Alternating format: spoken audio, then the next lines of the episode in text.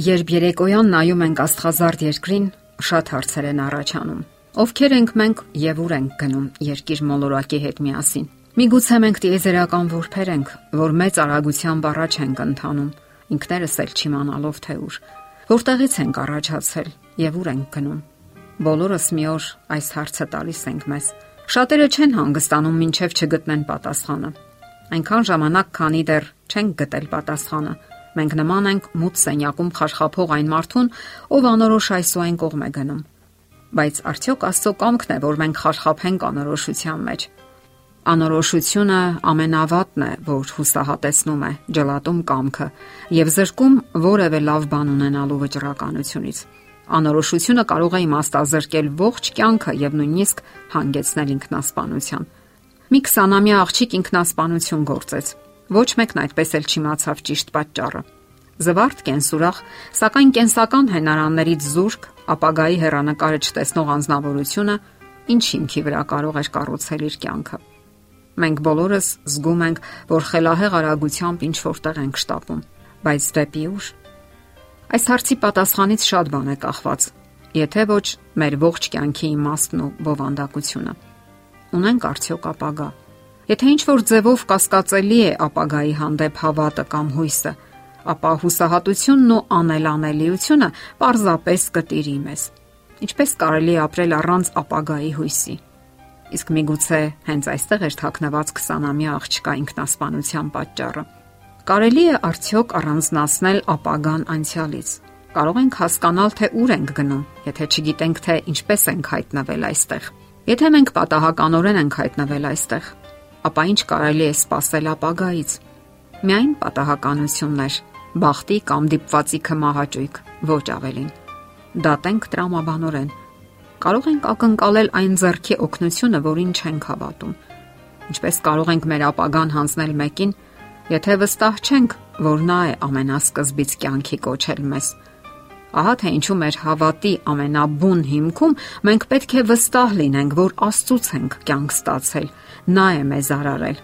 Որոշակի երևակայություն է պետք, որpիսի տառացիորեն ընդունենք ու հավատանք արարչագործության մասին Աստվածաշնչյան պատմությանը։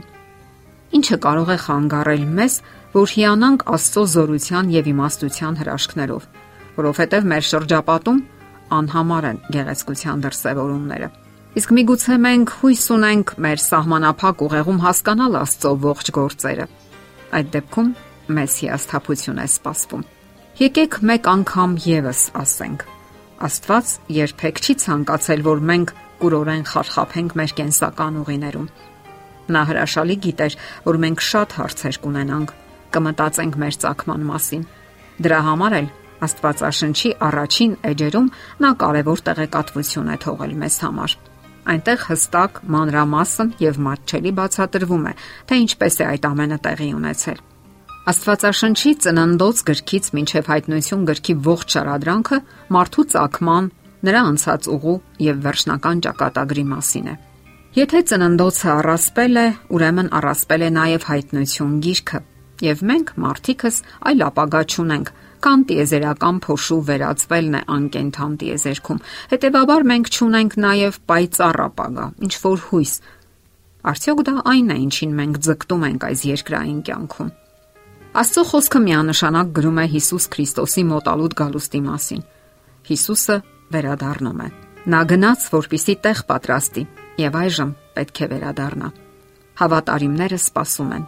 Մարդկային միստվար բանակ զբաղված է դրամ կուտակելով, Մի մասը ապրում է հենց այնպես, կարծես Տերը երբեք չի վերադառնալու։ Նրանք ապրում են ցոփ ու շվայտ կյանքով։ Իրենց ասելով նրանք վայելում են այս կարճ ժամանակավոր կյանքի բարիքները, երկրային բարիքները։ Նրանք դա հակադրում են երկնայինին, հոգևոր արժեքներին։ Սակայն վաղճանը վրա կհասնի անսպասելի։ Պողոս Արաքյալը վերջին օրերի մասին գրում է որովհետև դուք ինքներդ հաստատ գիտեք, թե Տիրոջ օրը ինչպես գիշերվա գող, այնպես կհասնի որովհետև երբ որ կասեն թե խաղաղություն եւ ապահովություն է, այն ժամանակ հանկարծակի կհասնի կորուստը։ Ուրեմն չքնենք ուրիշների պես, բայց արթուն ու զարթուն լինենք։ Արթուն լինենք հակած հավատքի եւ սիրո զրահը եւ փրկության հույսի սաղավարտը։